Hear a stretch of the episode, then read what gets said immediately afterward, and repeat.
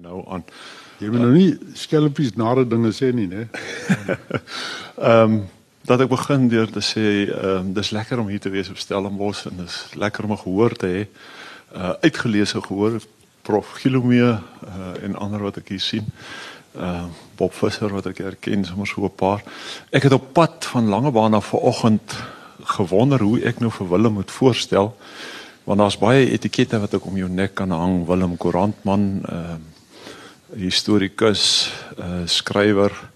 Ehm um, ek dink jy het op die ouend as jy meer bekend as wat ek is, so ek moet eerder myself voorstel voor ek jou voorstel. uh ek is Abel Estreise. Ek het uh ek beskou myself as 'n krygskundige. Ek het uh professoraat in strategiese studies daar by die Krygskunde fakulteit op Stellenbosch. Ehm um, ek kyk 'n bietjie meer teoreties na oorlog as uh as Willem, maar dit is juist daardie ehm um, interessante vermengsel van teorie en ehm um, die kruis historiese wat ons of die kruiskunde wat ons môre bymekaar uitbring. Ehm um, Willem, ek wil wegspring deur 'n bietjie breër ehm um, die nette span as jou boek deur te vra wie skryf vandag oor die grensoorlog en waaroor skryf hulle as jy nou as jy nou die die landskap moet beskryf oor die publikasies van die van die grensoorlog. Wel, dit is 'n is 'n baie gemengde groep.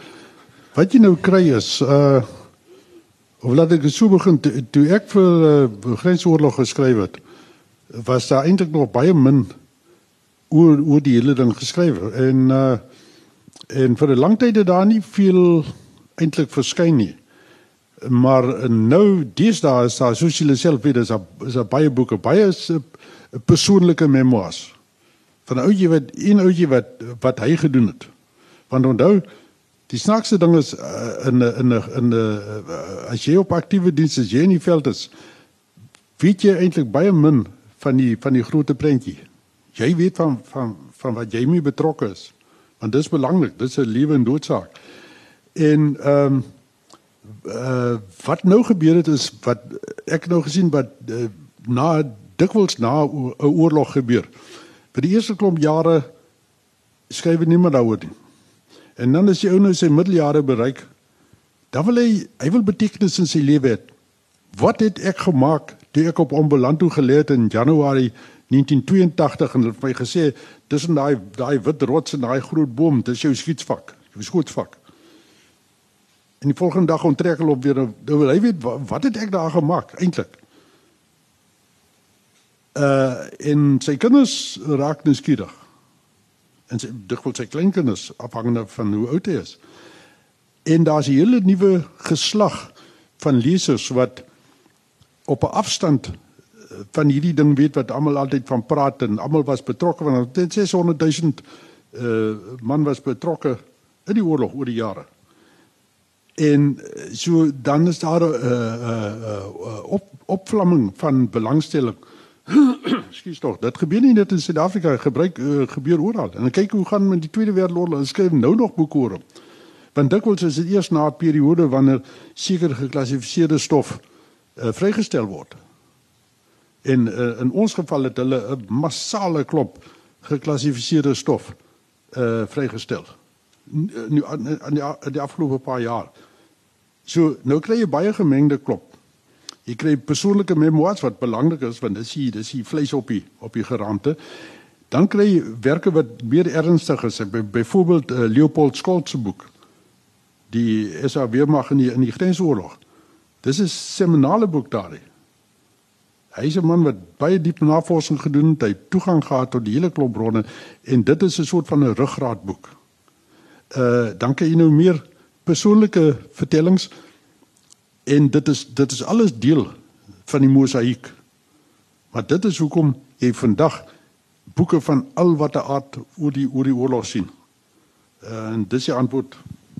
Ja, ek ek kan net vanuit my persoonlike ervaring ehm um, aansluit by jou wat vir my interessant is op die oomblik ehm um, oor die belangstelling in die in die ehm um, grensoorlog is die geweldige belangstelling uit die buiteland uit. Ehm um, en dit val saam met die Amerikaanse en Europese ervaring in ehm um, Iran en Afghanistan, uh, Irak en Afghanistan die die ehm um, teeninsurgensie ehm um, modelle waarna waarna hulle weer moes gaan kyk het. Ehm um, vir 'n hele aantal jare nou is ek betrokke uh, in Europa by die opleiding van 'n uh, NAVO-offisiere in teeninsurgensie en ek hanteer die Suid-Afrikaanse gevalle studie. En is 'n geweldige belangstelling vanuit daardie omgewing oor ehm um, om te kyk na die na die Suid-Afrikaanse ehm um, uh, en en die die die Namibiese model wil ek eintlik sê. Ehm um, interessant genoeg Willem het ek nou net vertel een van die offisiere kom na my toe uh, so 'n jaar of twee gelede en sê vir my maar hy soek Willem se boek en die goedkoopste boek wat hy kan kry is is R3000. So jy kon 'n paar rand gemaak het in die proses. Ek het ek dink maar 'n krat vol gehad van hulle. Ehm um, so daar's geweldige belangstelling in die buiteland. Ek het ek het by West Point al daaroor gepraat. Ek het in in, in Europa, ek het nou onlangs in Australië by die by die Australiese Verdedigingsakademie daaroor gepraat. Die tweede ding wat vir my interessant is, is daar's ewe skielik ehm um, soos Ladell Haar praat van the other side of the hill, ehm um, toe hy oor die Duitse generaals geskryf het in die Tweede Wêreldoorlog en ewe skielik is daar 'n opvlamming on the other side of the hill. Ehm um, en word daar in uh, die Kubaanse ehm um, in die die uh, Angolese die die saak word van die ander kant af belig ook ehm um, en daar daar word ook geskryf on the other side of the hill so to speak. Willem praat met ons oor die aanvanklike doel van jou boek en hoekom jy gekom het met 'n heruitgawe. Wel, ja goed, ek wil net gou een ding sê wat Abel sê is heelbaar reg. Een van die beste markte vir boeke oor die grensoorlog is Amerika. Uh ek en 'n paar ander gebruik dikwels 'n oorseese uitgewer naam van Helion. Hy's 'n redelike groot uitgewer van militêre boeke. En Helion sê vir my, dis een van hulle beste markte vir vir boeke oor die grensoorlog. Uh daar's 'n intense belangstelling en ek wil net ek wil net hierdie hierdie ding in perspektief stel. In die hele geskiedenis van Afrika suid van die Sahara en ek beskou nie Afrika noord van die Sahara as eintlik deel van Afrika nie, is deel van van van die Middellandse uh, gebied. Was daar in in sy hele geskiedenis was daar nog net twee konvensionele oorloë. Bosoorloë. Die een was in in Abyssinie in 1940 en 41 waar ons manne baie geleer het want hulle die enigste mobiele formasie daar gehad in Afrika, glo of not of the not. En die ander was die laaste deel van die grensoorlog toe daar konvensionele stryd gevoer is in in Suid-Angola. Vir die Amerikaners veral in eh, in in in ander lande is dit verskriklik interessant want dis heeltemal 'n ander soort oorlog. Hulle is uh, hulle verstaan nie hoe jy in Afrika oorlog maak nie. Dis hoekom hulle voertuie wat hulle wat ons oor die jare gekoop het moes groot uh, modifikasies ondergaan het voor hulle geskik was vir vir vir vir Suid-Afrika. Maar in elk geval. Hoekom het ek die boek geskryf? Heel eenvoudig. Ek het ek het besef want ek het 'n snaakse rol gehad in daai tyd. Ehm um, ek het geskryf oor militêre sake en sovoorts maar nou en dan is ek opgeroep En ek het geweier om opgeroep te word as deel van die troepe informasieeenheid of enigiets. Ek gesê dit sal 'n onmoontlike konflik van belange wees. Dus ek opgeroep gewees was dit eh, was ek 'n megen van terus gewees. Niks meer nie, niks minder nie. En uh en toe begin sien ek te, na die einde van die ding besef ek dat die die die hele oorlog 'n soort van 'n vormlose gedagte ontwikkel het waar mense nie meer onthou waarom hy begin het nie. En dit is 'n geval wat in alle oorloë gebeur. Daar's 'n insident in Haiti.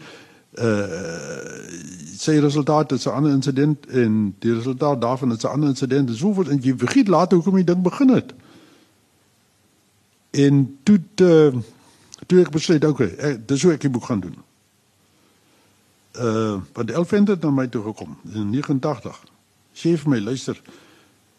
Wil jy boek oor die grensoorlog doen? Sê ek ja, definitief.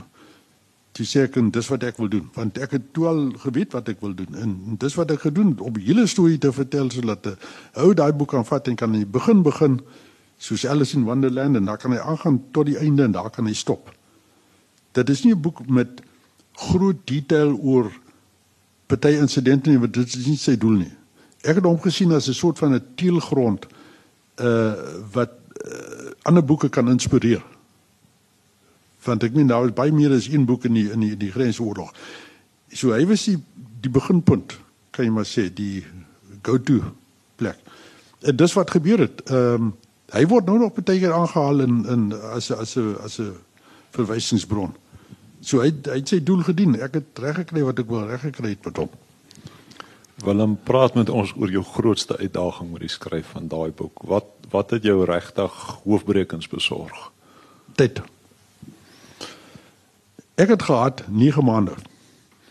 Nou om om 'n boek van 133000 woorde te skryf, akkurate woorde moet gedoen word. En en ek het 'n voltydse werk gehad. So kan nie heeldag gesit en skryf het nie. En mense ek het aandag gewerk, naweke gewerk. Ek het opgehoopte verlof het ek gevat. Ek het later siek verlof gevat en die hele lot en ek het net gewerk en die ding was soos 'n weet jy, soos 'n monster wat op my skouers gesit het. En ek het dit reg gekry. Uh en alrede hoekom ek dit kon regkry was omdat ek 'n persoonlike kennis van die ding gehad het. Met ander woorde, ek was al warm, ek het nie koud in die ding ingegaan nie. So ek kon dit doen. Ek het geweet dat hy nie so uh driedimensioneel is as wat hy moet wees nie want in daai tyd was was baie dinge nie net geheim nie, maar dikwels was daar uh, gebeurtenisse wat wat selfs die selfs die leer nie verstaan het nie. Waarom dit plaasgevind het nie. Maar ek het die beste gedoen en ek het uh, ek het al die bronne gebruik wat ek kon. Ek moet vir julle 'n snaakse storie vertel. Uh voor ek kom begin skryf het ek met generaal Janie Geldenhuys gesels en uh hy was toe hoof van die weermag en uh, ek het hom gesê generaal ek wil net vir jou sê ek gaan 'n boek skryf oor die grensoorlog. Sê agter mekaar. Dis ek maar eh, ek wil net verstaan dat ons vorige reëling wat ek vir die vroeëre boek gehad het nog bestaan. Naamlik ek is gewillig dat die weermag my manuskrip sien om te kyk vir egte sekuriteitsbreuke. Ek ben ernstige sekuriteitsbreuke en dan kan ons onderhandel daaroor. Maar my opinies uh, is my Jy sê ag, dit is nie nodig nie sê werklik hy sê ja, skryf maar die boek. Ek vra net een of jou, skryf hom, what and all. Sy sy presiese woorde. En toe die boek uitkom was daar 'n funksie by een boekbekendstelling, daar kom 'n kolonel van militêre inligting kom na my na, na my toe en sê ja, wel, baie smart boek en alles. Ek neem aan dit was alles uh, geklaas soos gewoonlik. Toe sê ek nee. Toe sê hy wat? Toe sê ek nee, hy is nie geklaar nie. Hy sê maar Hoe is dit dan moontlik? Piet gesê jy hoef hom nie te kla nie. Sê ek hoef van die weermag. Hy sê wat? en hy en hy hy styer daar weg. Jy gesien sy hele sy hele wêreld was omgekeer. Iets is nie reg nie. Maar dis hoe dit gewees het. So uh uh en dit was hoe Janie Geldnys geopereer het. En uh en toe die boek uitgekom het, is ek baie bly dat oor al die jare het het ek het, het, het baie bin mense beswaar gemaak oor enige foute wat ek begaan het, er, ernstige foute. So hy was hy's akuraat. Een wat geklaar was uh, Dr. Willie van die Kerk. En hy het gesê hy het sommer dadelik gebel en gesê luister, uh, jy het my aanstelling as administrateur-generaal met 'n maand verkeerd gekry. wat my nie verbaas nie, want jy weet sy voorletters was VA en almal het gesê dit staan vir weet alles. En toe ek later onder hom gedien het in die presidentsraad het ek gesien dis vragtig waar daai man dit oë en sy agterkop gehad. Dis verseker. Maar afsien daarvan het ek nie ernstige beswaar gekry nie. En ek dink wat belang die belangrikste gewees was dat vir baie van die manne wat hom gekoop het, manne wat nou veterane van die oorlog gewees het, vir hulle was dit 'n erkenning gewees. En ek nie kan ek nie uh, kant gekies nie. As ek as ek 'n boek skryf, is heeltemal 'n ander saak volg die feite. Dis iets wat Suid-Afrikaners nog nie geleer het nie. Gee net die feite, goed en sleg, krom en mooi en en en dealerot. Vertel net die storie. Agterna kan mense nou daar borduur soos hulle wil en lieg en uh, en, en wat ook al, maar jy moet die storie vertel. Aanvaar dit dit is deel van jou geskiedenis. Sien jy nou Afrikaner is, dan is mense soos Dr. Malang, Generaal Smuts, Bram Fischer, maak nie saak nie, hulle is almal hulle is almal deel van die geskiedenis en en as jy nie hulle storie vertel nie dan is daai daai beeld half krom. Willem, kan ek jou vra jy het verwys na jou foute. Jy sê ook in die ehm um, inleiding tot die nuwe boek dat jy enkele foute reggestel het en jy uh, dui ook aan dat jy sekere goed bygewerk het. Mm. Kan jy miskien oor beide die foute en die en dit wat jy bygewerk het miskien iets sê? Die foto wat ons kyk, wat gebeur het was toe Tafelberg besluit om om uh die grensoorlog boek in in albei tale weer soos vroeër weer uh, weer uit te gee. Het hulle toe met 'n slim plan gekom. Hulle wil nie 'n uh, faksimilie uh uitgawe uitgebring het nie.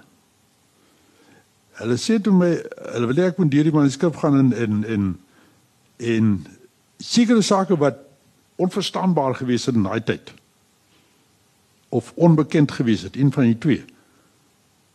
Kan ek nou opdateer?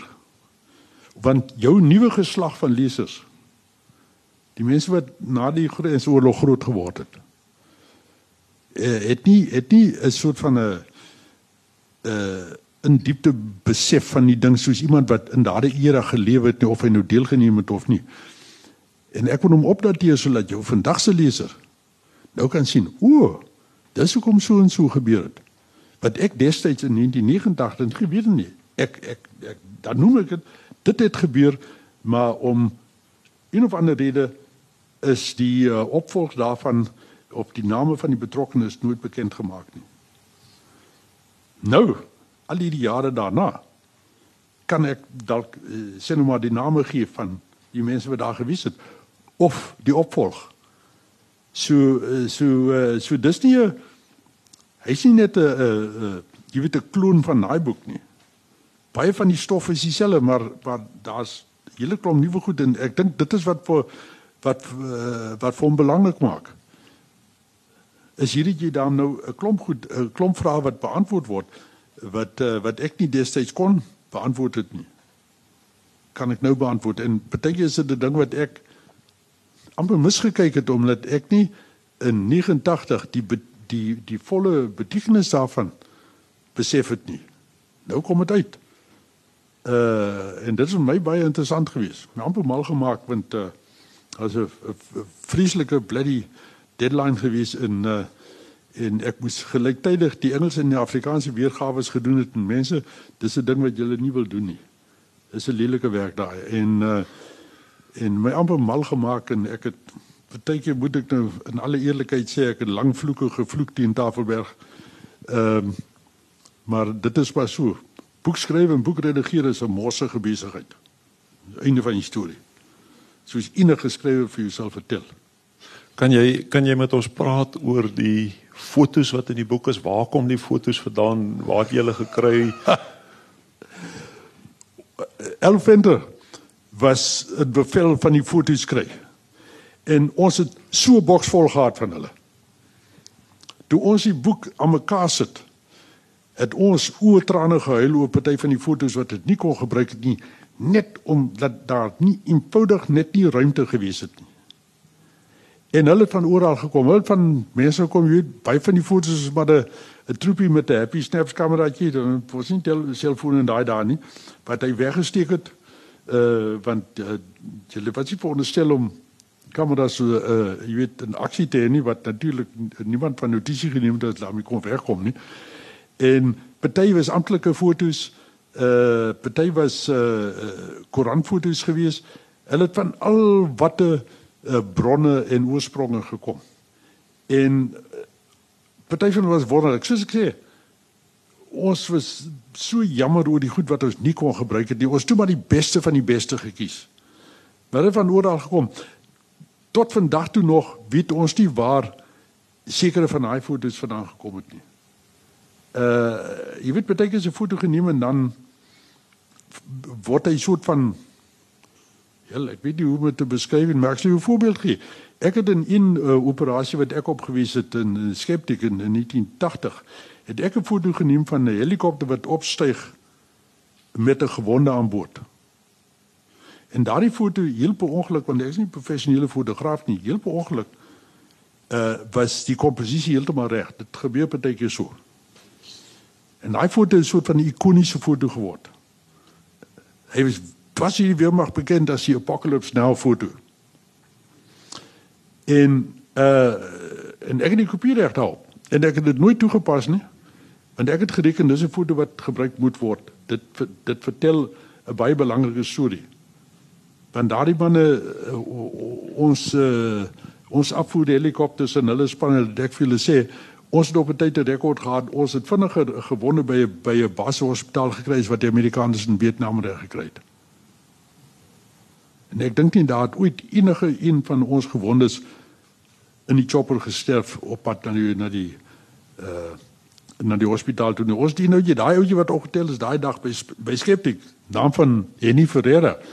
Hy was so volgatig geskiet dat die dominee al vir ou laas oor hom gebid het in die in die wetenskapsies gesê uh, Henny se gous uit. En 'n laai hom in daai chopper in. En twee maande later kom stap Henny op die paradegrond op om vir die manne vaarwel te sê hulle tyd was was verby gewees. Ek het hom nou vlieg het ek hom in Windhoek gekry in uh, Bloemfontein gekry. Dit dit is 'n dit is 'n soort van ding, so 'n belangrike foto. So en daar was baie sulke foto's. Daar is nou nog baie van uh baie sulke foto's. Nou ja, dis hoe dit is. Willem, eh, miskien 'n 'n moeiliker vraag om te beantwoord, maar ek wil tog hê dat ons dat ons daaroor gesels. As jy vandag kyk na die kennisliggaam wat daar bestaan, as ek die woord mag gebruik oor die grensoorlog, die so Engels sal sê the body of knowledge. Ehm um, waar is die kennisgapings vandag nog? Watter navorsing moet nog oor die grensoorlog gedoen word volgens jou waar ons nog nie volledige tipe van sake in perspektief gestel het, sake belig het nie. Waar waar is nog navorsing nodig wat die grensoorlog betref? Wel, ek persoonlik dink dat die die dat die weermag uh nog 'n goeie job gedoen het met die vrystelling van geklassifiseerde dokumente en en en sulke goed. Ek dink daar is genoeg vir man om sy tande in te kry waar daar wel 'n gaping is. Is dat ons nie veel inligting het oor wat uh, oor wat onder die Angolese aangegaan het nie of wat onder die Kubane aangegaan het nie. Ons het nie genoeg daarvan nie. Ons het wel gekry. Uh en ek het dit 'n bietjie probeer insit waar waar nodig en in 'n ander boek wat ek geskryf het, het ek baie daarvan ingesit. 'n 'n hele klomp van die Russiese raadgewers het nou almal hulle memoirs geskryf en hulle is brutaal eerlik. En ek het ek het gewonder hoekom en toe besef ek wat dit was. Hulle was eh, kyk die Russe het van die bes opgeleide offisiere in die wêreld. Ek weet nou as jy twyfel nie. Franse militêre akademie en so voort en so voort. En nou kom hulle uit en hulle gaan Angola toe en hulle gee raad in die in die Angolese luister nie vir hulle raad nie. En dan is daar 'n katastrofe.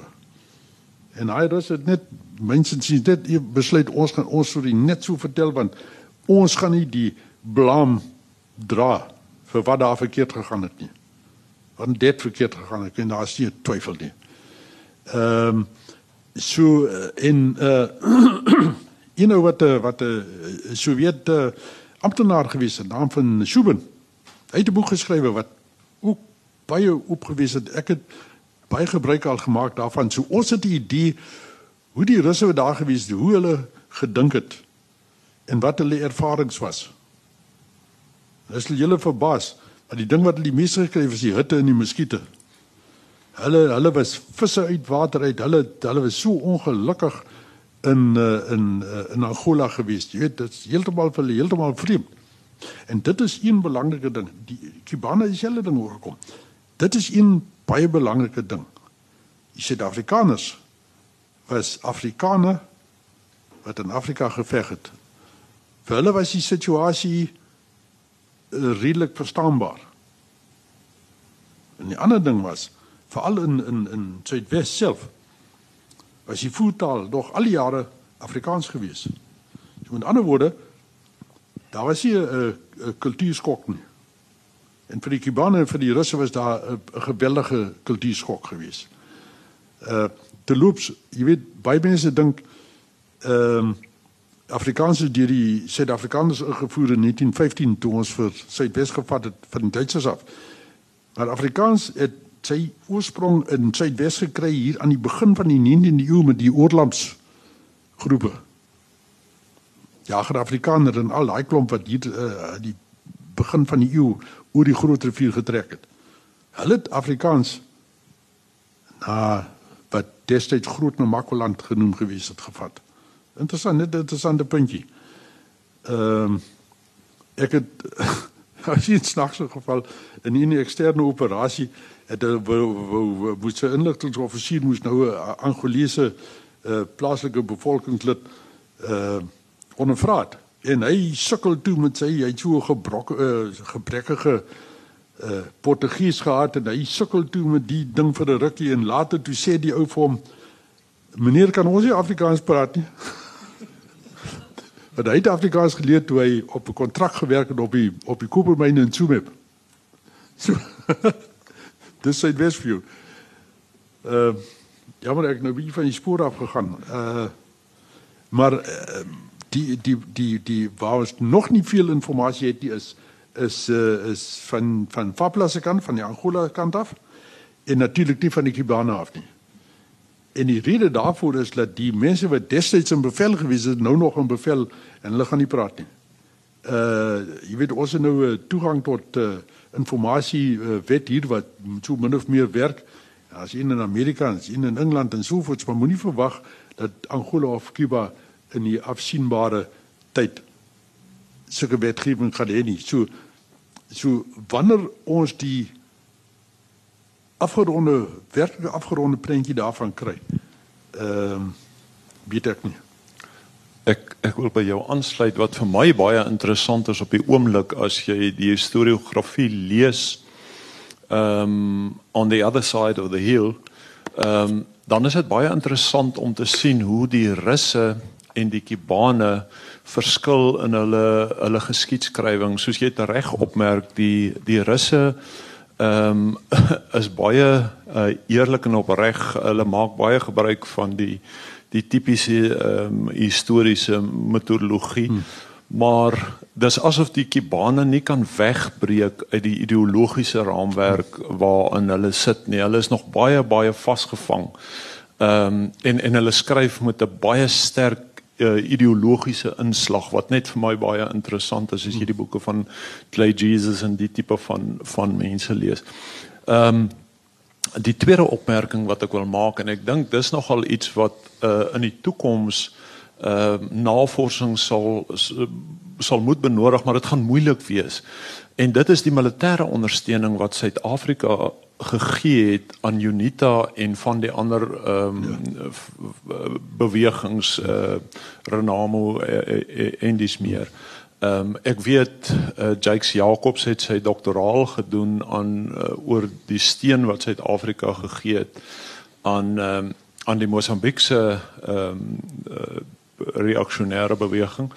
Uh, maar nog niks is geskryf oor Unita nie, uh, die steen aan Unita nie. En al daai operasies was uh, in in baie sterk geheimhouding uitgevoer. So ek dit gaan 'n baie groot uitdaging wees om om daai navorsing te doen en en dit te publiseer. Ehm um, ek ek dink daar's daar's 'n baie groot ehm um, veld wat nog daar lê. Ek wil jou ehm um, 'n ander vraag vra. As ons praat van die Bosoorlog vandag, dan verwys ons eintlik na twee oorloë. Ehm um, in die sin van dat daar die die teeninsurgensie oorlog teen SWAPO was wat hoofsaaklik binne Namibië afgespeel het hmm. en by tye oorgespoel het in voorsprong operasies en opvolg operasies in Angola in. Ehm um, en dan aan die ander kant is daar Suid-Afrika se betrokkeheid in die Angolese burgeroorlog wat uh aanvanklik in 75 begin het mm -hmm. en toe weer ehm um, hier na uh, die middel 80s ehm um, 87 spesifiek ehm um, 'n tipe van 'n kulminasiepunt bereik het by die Lomba rivier. Ehm um, kan jy miskien 'n opmerking maak oor hoe die twee konflikte verskillend hanteer is in die historiografie ehm um, of daar miskien gapings is wat wat die die twee oorloë aanbetref? Wel feit van die saak is daar was die twee oorloë dit is eintlik uh, wat die Suid-Afrikaners betref was dit alles deel van een opset rede hoekom hulle hoekom die Suid-Afrikaners in die eerste plek uh, begin het met die eksterne operasies was om vir UNITA te ondersteun. Want on, uh, UNITA het vir hulle ondersteun teen Swapo suid van die grens. So met ander woorde, jy kan nie twee die eh, die twee verskyn nie. Daardie eksterne operasies was uitlopers uit die teeninsurgensieveld tog uh in in Suidwes-Afrika. Uh en en en dis hoe dit gewerk het en op die ou en en ek moet een ding sê al die goed wat ek van lees is die regering, Suid-Afrikaanse regering was uiters lanktand om betrokke te raak in die Angolese burgeroorlog. Hy wil dit nie gedoen het nie, soos die magte wat hy oorgesien het was altyd te klein geweest. Ehm um, hy wil nie betrokke geraak en dit was nie sy primêre doel nie, dit is ook nie die primêre doel van die van die weermag nie. Weermag se eerste prioriteit is altyd die land is landsverdediging en hulle wil nie betrokke geraak nie, maar hulle moes betrokke geraak. Byvoorbeeld 1980 het daar iets plaasgevind wat wat mense amper nie van notisie neem nie. 1980 het Unita 'n dorpie naam van Mavinga van van die van Fapla afgeneem. Mavinga was net 'n eenvoudige ou dorpie en hy het flinters geskiet in elk geval, maar hy het een ding gehad. Hy het 'n groot lateriet vliegveld gehad. En dit was Sewimbi se venster tot die buitewêreld. Hy moes so 'n plek gehad het. En dit het die hele uh oorlog in die suidooste verander omdat hy nou voorraad en wapens goed kon inkry van 'n verskeidenheid verskillende lande af. Nie net Suid-Afrika nie, maar al wat ander plekke. En daarna het dit dit uh, die Angolese elke jaar gepoog om vir Mavinga af te neem want as hulle hulle plan is altyd om van Mavinga te neem en van daar af uh uh, uh noordooswaarts om dit ek dink 200 km na Jamba toe. En Jamba was uh, was die stam hoofkwartier. Met ander woorde die hoof hoofkwartier van van Sebumi so hulle teken was altyd Mavinga hulle uh, primêre teken en en So wil my kon nie weer staan nie want hy het omtrent nie swaar wapentuig gehad. Onthou die Angolese het verskriklike baie wapentuig gehad wat hulle van Rusland af gekry het. En elke keer dan het sy Wimmy gevra vir hulp. Daar lanktand lanktand stuur die weermag dan vir hom hulp, partykeer battery uh, vuurpyl lanseerders op, partykeer by artillery of partykeer uh, swaar mortiere uh en partykeer 'n paar troepe en so voorts. En elke keer slaan hulle vir Fapla af. En dit was eintlik hoe die weermag betrokke geraak het.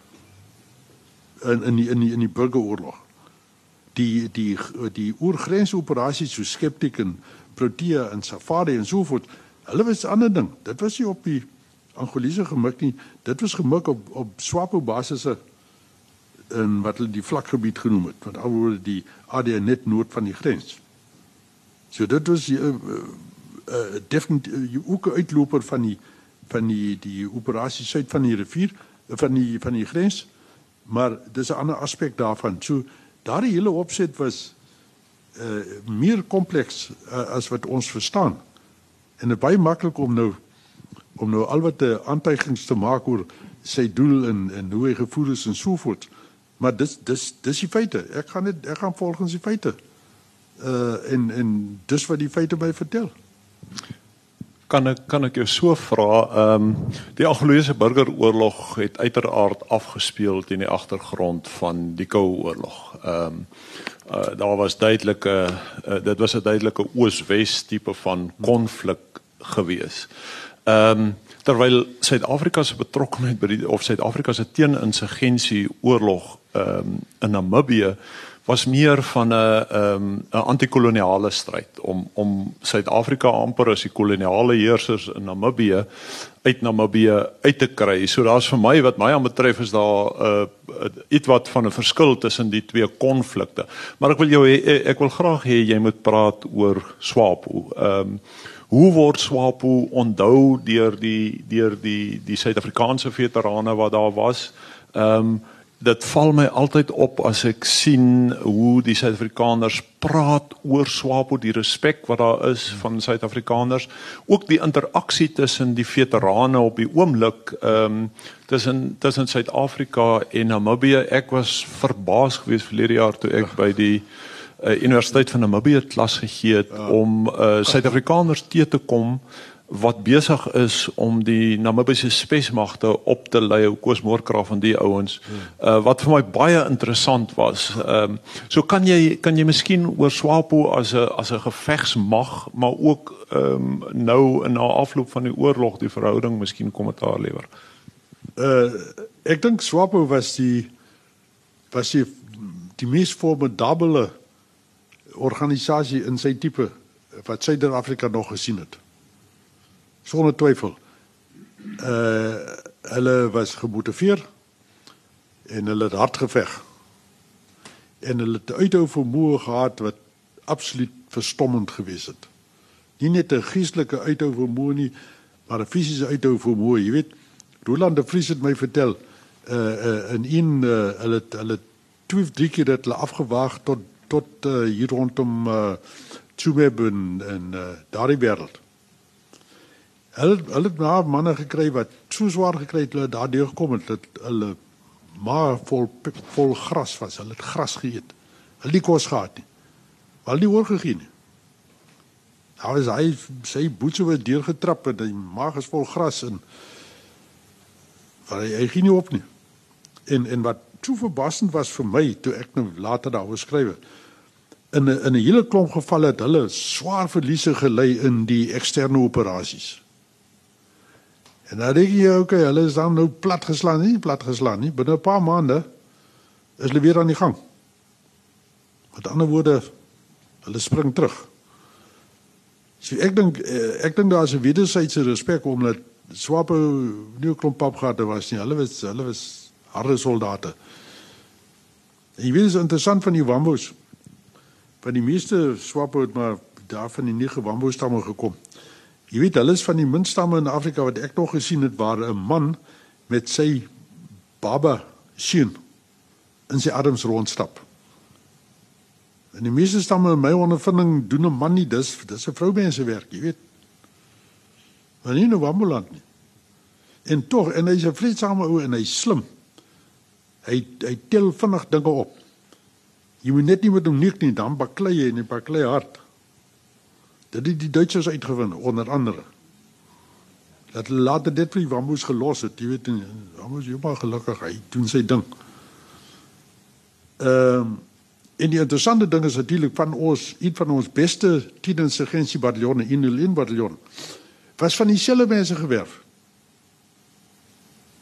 So, jy weet daar's vandag is dit mos nou uh, populêr om te sê wel uh die ganse suidwes het uh, was was was tini tini uh, tini wit mense in daai soort van goed. Dis nie so nie.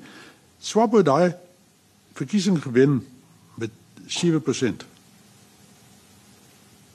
Omdat nie alle wambos dieselfde gedink het nie. Hulle het koppe gehad. Hulle intelligente mense. Party was pro Swabo, party was anti Swabo. Uh jy weet daai soort van ding. En nou hierdie daai daai oorlog, myns insiens was heeltemal onnodig geweest. Hy was onnodig geweest omdat toe hy begin het, het die Suid-Afrikaanse regering alreeds vir hom verbind aan die begrip van onafhanklikheid vir Suidwes-Afrika. Mense vergeet dit. Maar in 78 het uh uh jy weet is dit wel nog eintlik voor voor uh, voor 78 het John Forster wat toe die eerste minister gewees het het duidelik uitgele uitgelei het gesê dat die volk van Suid-Afrika besluit hoe sy grondwetlike toekoms moet lyk. Dis hoe die uh, die latere toernale konferensie uh uh ontstaan het. En al die partye het gesê ja, Paggat. En hier moet al al het al begin praat hier van onafhanklikheid teen 78 79 al. En al die partye wat al die partye deelgeneem. En daardie beginsel het nooit verander nie. Vra maar vir Janie Geldhuis, hy dieselfde sê. Dit was sy opdrag gewees. En en uh almal behalwe Swapo het deelgeneem. En Swapo se gat in die kop gepraat, ek is oortuig daarvan. 'n Gat in die kop gepraat deur die deur die Russe. En die rede daarvoor is dat die Koue Oorlog aan die gang gewees het en daar was 'n verskriklike stryd oor wie beheer van die Indiese Oseaan gaan kry. En Suidwes was een van die dominos wat moes geval het. Van die eintlike teken was Suid-Afrika gewees. Die Russe het ons beskou as 'n dolk wat teen hulle mag gedruk word. Dis en en eh, so daardie oorlog En toe toe oorreed hulle vir vir vir vir Swapo om 'n gewapende stryd aan die gang te sit wat hulle nie kon gewen het nie. Hulle kon nie dadelik insurgensie gewen het nie. Hulle het net nie die die uh die bronne gehad nie. In die in die in die in die getalle gehad nie. Hulle kon hom nie gewen het nie. En hulle het hom nie gewen nie. Aan die einde in 89 toe uh toe is hulle tot 'n standstil uh, tot 'n stilstand gebring. Dit is die twee die die eerste fase van die oorlog. Maar dit was heeltemal en daar duisende van hulle gesterf en waarvoor? Waarvoor daar ons mense gesterf en hulle mense omdat hulle omdat hulle surrogaatmagte gewees het wat deel was van die koue oorlog. So wat my betref dit was eintlik onnodig. Dit dit wat was nie nodig nie. Suidwes was op pad onafhanklikheid toe. En dis dis 'n ding wat ek baie bitter oor voel ek wil 'n opmerking maak oor SWAPO as ehm um, as 'n revolusionêre beweging en en as 'n as 'n veg entiteit. As 'n mens kan ek net iets ja. daarby voeg. Die moeilikheid met SWAPO was hy was uh toe redelik geïnfiltreer uh deur die deur die kommuniste in sy in sy hoër geleedere. En geen van hulle was opgeleide soldate nie. Ek praat nou van Sam Nujoma en al daai manne. Hulle geen van hulle was opgeleide soldate nie. Hulle ek dink ek glo nie hulle het besef dat die Russe vir hulle besig is om vir hulle te pamper lang om 'n ding te doen wat nie moontlik was nie want ek sê ek sê nou vir julle ons is ek is ek het genoeg militêre ondervinding afloop hulle kon nie daardie insurgensie gewen het maar nou sê baie mense O oh ja, wel, ons het die oorlog verloor. Ons het die oorlog verloor. Nie. Die weermag is ingestuur vir een spesifieke doel en dit is 'n ding wat in alle demokratiese lande wêreldwyd aanvaar word. En dit is in 'n in 'n in 'n toestand van nood kan die weermag ingeroep word om 'n uh, ondersteuning te lewer aan die siviele owerheid. Dit is as die polisie nie ding kan hanteer nie soos met enige onlus of, of of wat ook al. En en hulle is hulle is hulle is ingestuur want want wat die wat die regering gesê het was die voordat dit dan moet 'n redelike kalmte en orde in Suidwes-Afrika wees of anders kan die die onderhandelaars die grondwetlike onderhandelaars nie hulle job doen nie. As hulle bloedgesel word aan aan intimidasie of of ander probleme en so voort. En dit is die weermag se job. Hy kon nie opereer buite die uh die uh, operasionele gebied nie, behalwe in uitsonderlike gevalle. Hy kon nie eens uh, gevangenes neem nie. As hy as hy Swapo gevang het, moes moes hy hulle aan die polisie oorhandig, want dit was eintlik die polisie wat in bevel van hom. En toe die toe die oorlog verby is, is hy weer maar terug. Terug in sy kasernes in en hy's terug Suid-Afrika toe. Dit was die eerste fase.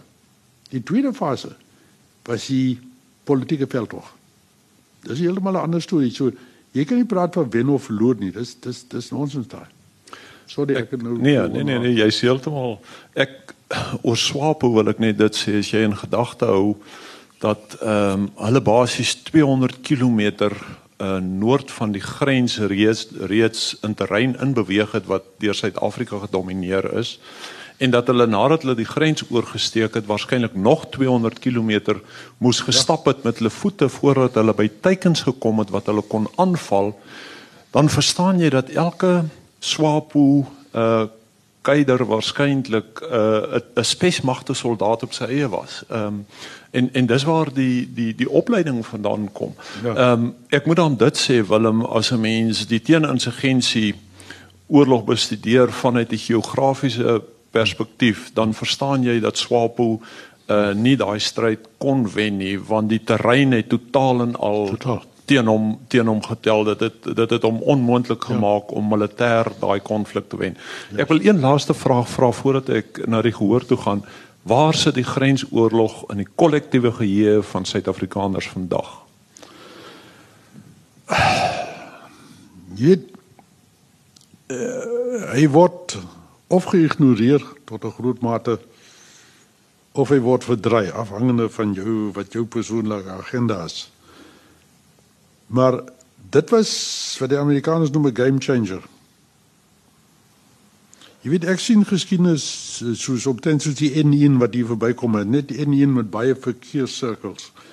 En dan ry jy end langs, dan kom jy by een van die verkeerssirkels, dan gaan jy so 3 kwart pad om en dan dan gaan jy so in 'n ander rigting af en daar ry op daai pad tot dat jy by nog 'n verkeerssirkel kom en dit draai ry jy nou weer hierdie kant toe. Met ander woorde, daar's keerpunte oral in die geskiedenis. Hy was hy was een van die keerpunte. En ek dink nie mense besef dit nie.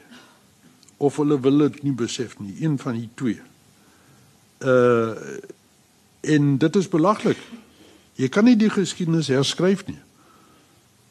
Uh en as jy hom nie ken nie, jy weet wat uh, by die Chabon Battery Museum vat ek baie toegroepies rond. En dan sê ek veral vir die vir die skoolgroepe, sê ek vir hulle Wat is die waarde van geskiedenis? En die waarde van die geskiedenis is dat dit vir jou help om nie weer dieselfde foute te maak nie. En dit is 'n ding wat ons nog hier in Suid-Afrika reg gekry het nie. Dis nie 'n geval van ou koeie die sloot uit uh, sleep nie. Dis 'n geval van daar's lesse om te leer. Dis dis dis een ding wat die gemeenskap van die army kan leer. Jy weet na elke operasie was daar altyd 'n nabetragting. Dit is verskoon my dames kolokwiaal bekend as die groot uitkak. En daar is die hele ding oorweeg in oorweging geneem om te sien watter lesse eh, daar uitgetrek kan word want jy kan by almal leer. Jy weet ek het eendag op 'n kursus gegaan uh eh, Kimberley toe en toe ek in die klaskamer instap Die eerste ding wat ek sien is net so 'n groot kennisgewing op 'n balk met 'n aanhaling van Mao Zedong. En hy sê wie? En hoekom? Want hulle beskou hom as groot generaal. En hy was. Dit is die regte houding en dit is die houding wat ons as Suid-Afrikaners nog heeltemal besef het nie. Vertel die waarheid. Dit is nog die beste ding, maar jy weet ek het ek koerantman gewees, ek het geleer as jy nou iemand regtig die donder in wil maak, dan moet jy die waarheid vertel. Dis dis dikwels genoeg. So Sorry. Ja, ek wonder of hier vra uit die gehoor uit is ehm um, mense wat wil vra vra. Net vir u vra professor, die gemiddelde swapo soldaat sê hy was was soos 'n speswagte soldaat eintlik op sy eie. Uh, Watter rol het die die uh, Russiese afrigting gespeel daar nie afrigting nie wat oor die opleiding en dan watter rol het sy die Obambo se passie en sy politieke liefde vir sy land gespeel sy motivering dat daai soldate so goed was.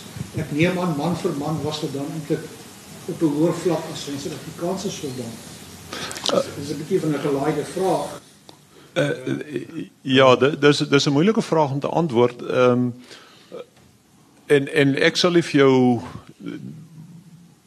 100% kan sê dit dit is so nie wat ek wel weet is dat ehm um, in baie gevalle hoe meer ideologies weermagte is hoe hoe minder ehm um, professioneel is hulle. Ehm um, dit dit dit sê die teorie vir ons. Ehm um, en die feit dat Swapo so hoogs opgelei was en dat hulle as as vegters so professioneel was sê vir jou dat daar nie baie tyd afgestaan is aan indoktrinasie nie. Ehm um, en ek wil die argument verder vat ehm um, en sê eh, 'n uh, mens sien dit eintlik in hoe die ehm um, die vredesproses uitgespeel het na Namibië onafhanklik geword het dat ehm um, die Namibiese politieke landskap nie so ideologies gelaai is soos die Suid-Afrikaanse politieke landskap byvoorbeeld nie. Ehm um, in in Swapo se geval en en nou nou doen ek 'n bietjie van 'n van 'n parallel hier, maar in Swapo se geval is daar byvoorbeeld nie 'n soeke na heroes nie, want hulle het heroes. Ehm um, helde, ekskuus, ek by Engels. Ranger Asipala klop van hulle. Daar daar is daar is werklike militêre helde wat hulle standbeelde voor kan oprig, ehm um, wat hulle eer aan kan gee. Hulle hoef nie ideologies om te gaan met die soeke na helde die en en mense te vereer wat niemand nog nooit van gehoor het nie wil ek amper sê. Ehm um, so uit daai oogpunt ja, ek dink ideologie het 'n rol gespeel, maar ek wil ook sê 'n mens en dis hoekom ek die klem plaas op ehm um, die Namibiese konflik as 'n 'n antikoloniale konflik en nie 'n 'n koue oorlog konflik in die ware sin van die woord nie, omdat SWAPO se geveg was nie uh gemotiveer vanuit die koue oorlog perspektief van van ehm um, uh jy weet Oos-Wes nie Swapo se geveg was ek dink ehm um, 'n uh, regverdige stryd om Namibië onafhanklik te kry. Ehm um, en vanuit daai perspektief uh persoonlik en ek gee my persoonlike standpunt hier, uh dink ek nie dit was vir hulle so uh, belangrik om hulle mense ideologies te laai soos die oorlog byvoorbeeld in Suid-Afrika nie. Swapo se stryd was ook baie meer militêr. Ehm um, as jy as jy na 'n militêre konflik toe gaan, is dit 'n totaal ander tipe van konflik as wat jy byvoorbeeld in Suid-Afrika gehad het wat die konflik nie op militêre terrein uitgespeel het nie maar waar die bevrydingsstryd meer gegaan het oor die mobilisering van die massas en om die staat onregeerbaar te maak. En in daai konteks is die ideologiese mobilisering van jou bevolking uh baie belangriker as ehm uh, as in die die militêre tipe van stryd wat swaap. So uh, om nou jou vraag te antwoord, ek dink ehm um, 'n mens kan die ding vanuit verskillende perspektiewe uh, belig, maar dat swapo dink ek baie minder ideologies gelaai was as ek die term mag gebruik as uh as as wat ons byvoorbeeld in die geval van ehm um, om Kontowisis weer gekry het. Ehm um, Maar 'n baie goeie vraag. Die soos die Amerikaners sê, in elk geval is is is, is hulle almal baie meer laid back. Hulle is baie rustiger mense wat jy hier kry. En uh, ek kon nou by in uh, Federale Volkskonferensie toe ek nog by presidentsraad was, kry ek daar 'n mannetjie naam van Martin Charlie. So klein mannetjie met blink oë en 'n blink kop. Hy het later hoof van hulle weermag geword. En ek en hy begin gesels en ons vind toe uit dat op een eksterne operasie weet ek aan die een kant, hy was aan die ander kant gewees. Toe lag ons ons klaar oor hierdie ding. Maar toe ons nou lag, toe kyk ek op, nou staan al hierdie Verenigde Volke experts en uh jy weet en loony lefties en ander vuil goed staan daar rond. En net so oor soos pierings. Hoekom rol ons op die vloer rond met ons hande op mekaar se keelgate nie? Ons gordels nie. Maar uh, dit was nie so nie. En dit is nou nog die ou ding en ek weet die manne gaan kuier Roland de Vries nie, maar gaan kuier gedurig daar en hulle word uh ontvang met uh, jy weet met groot vriendelikheid en alles in korporaal in uh, in 101 bataljon. Hy was op die ou ende brigadier in hulle in hulle weermag. En so voort, hoewel hy nie net en in 'n bataljon geveg het nie, maar hy was die seun van pastoor Cornelius in Jobba. In Jobba, Karl in Jobba. Wat een van hulle groot vyande gewees het. Maar die oorlog was verby. Ja, dis baie interessant hoe hulle ehm um, en ek dink die Suid-Afrikaners weer eens was baie ehm um, wel deurdag in hulle benadering tot die tot teen insurgensie. Ehm um, uh, daarom die die Suid-Afrikaanse die bestudering van die Suid-Afrikaanse teeninsurgensie model reg oor die wêreld uh, om om te verstaan hoekom ons byvoorbeeld die die Namibiese ehm um, eie weermag uh, geskep het. Ehm um, en en dit op sigself saam met SWAPO het eintlik vir Namibië na onafhanklikheidswording klaar 'n toegeruste weermag gegee waarin hulle byvoorbeeld die integrasieproses uh, op 'n baie sinvoller gestruktureerde manier kon hanteer as wat die Suid-Afrikaners dit gedoen het en en daar's baie minder politieke konflik ehm um, binne die Namibiese weermag na die integrasieproses as wat byvoorbeeld in Suid-Afrika die geval was. Ehm um, baie van die die ehm um, die uh, oud Namibiese uh, of die die wat is die hoekom kom maak my kop nou vas? Die territorial force? Ja die gebiedsmag. Gebiedsmag. Baie van die gebiedsmag se offisiere uh, het net so oorgegaan in die Namibiese weermag en SWAPO het met hulle hele struktuur net so ingestap in die in die gebieds uh, in die in die weermag in. En is eintlik interessant vandag as ek daar klas gee by die Universiteit van Namibië baie van hulle senior offisiere om te sien hoe hulle met mekaar omgaan. Die die gemaklikheid die Duitsers sê die gemoedelikheid wat daar is tussen hulle wat in Suid-Afrika se geval glad nie die die geval is nie. Nee dit is so uh en uh, daar's net een ander ding wat uh wat hierdie hele gesprek bewys. Jy kan nie een oorlog met 'n ander een vergelyk nie. Dis appels en pere As jy dit probeer doen, dan gaan jy in die moeilikheid kom. Hulle sê mos altyd die die groot probleem is 'n man probeer om 'n oorlog te voer soos die laaste ene. En dit is nie so nie. So dan net al, dit moenie appels en pere vergelyk nie. En dit was heeltemal 'n heeltemal 'n ander situasie. Ek is nou besig om 'n boek te redigeer wat deur uh, Roland de Vries geskryf is oor hoe om 'n konvensionele oorlog in die bos in Afrika te voer. En dit is baie interessant om te sien wat hy sê. En hy sê so oorlog byvoorbeeld is asimetries. Met ander woorde jy jy weet konvensionele oorlogvoering is nie net kanonne en tanks en jy weet sulke goedes nie. Dit is ook 'n aspek van ongereelde oorlogvoering. Daar's baie ander aspekte wat inpas by die omstandighede die individuele omstandighede van 'n van 'n van 'n spesifieke gebied.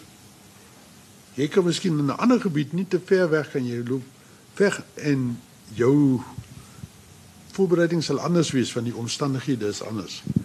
En dit is een ding wat die wat die weermaak baie goed verstaan het. En uh, ek weet jy weet ons ons ons kyk op die TV van hoe die Amerikaners in die in die Engelse rond dobber, daar's 'n ander woord vir in Afghanistan en in Irak. En ek dink ons mense wat dit donder van julle aan het die vaste benul van wat hulle aanvang nie. En kennis van jou omgewing, van jou spesifieke omgewing is so belangrik. En hulle weet niks. Jy weet as ons kyk dat dink ons net magtig uh jy weet wat gaan in hulle generaal se kop aan hulle die wonderlike troepe en die wonderlike uitrusting wat ons nie gehad het nie. Bien op se wanne in 75 het ek is ek uitgereik met 'n bomverband wat in 1939 gemaak is. Dis hoe dis hoe kaal ons gewees het daai tyd 75 in elk geval. So, Willem, ek gaan jou onderbreek. Ons moet klaarmaak. Miskien op op daai punt uh van 'n teoretiese konteks is ek eintlik baie bly jy jy jy eindig op die die punt wat jy nou gemaak het dat ons elke oorlog moet bestudeer in die historiese, geografiese, tegnologiese, sosiale, militêre konteks. Ehm um, dat elke oorlog sy sy eie kontekste het wil ek amper sê en dat jy daarom uh, geen oorlog met mekaar kan vergelyk eintlik nie. Ehm um, omdat jy daardie verskillende kontekste in elke geval ehm um, moet moet uh, in oorweging bring. Ons sluit af. Willem het net gevra dat ek vir julle asseblief attent moet maak op die werk wat hulle doen by die Shavon battery daar in die waterfront en dat julle asseblief daar 'n draai moet kom maak ehm um, een of ander tyd. Dis deel van ons geskiedenis. Ons nou baie van geskiedenis gepraat, dit deel van ons geskiedenis. Asseblief kom kuier daar. Ons kry nie subsidies van die regering af nie of van enigiemand nie. Dis daai pote wat deur die deur stap, dis baie belangrik vir ons. Dankie. Dankie.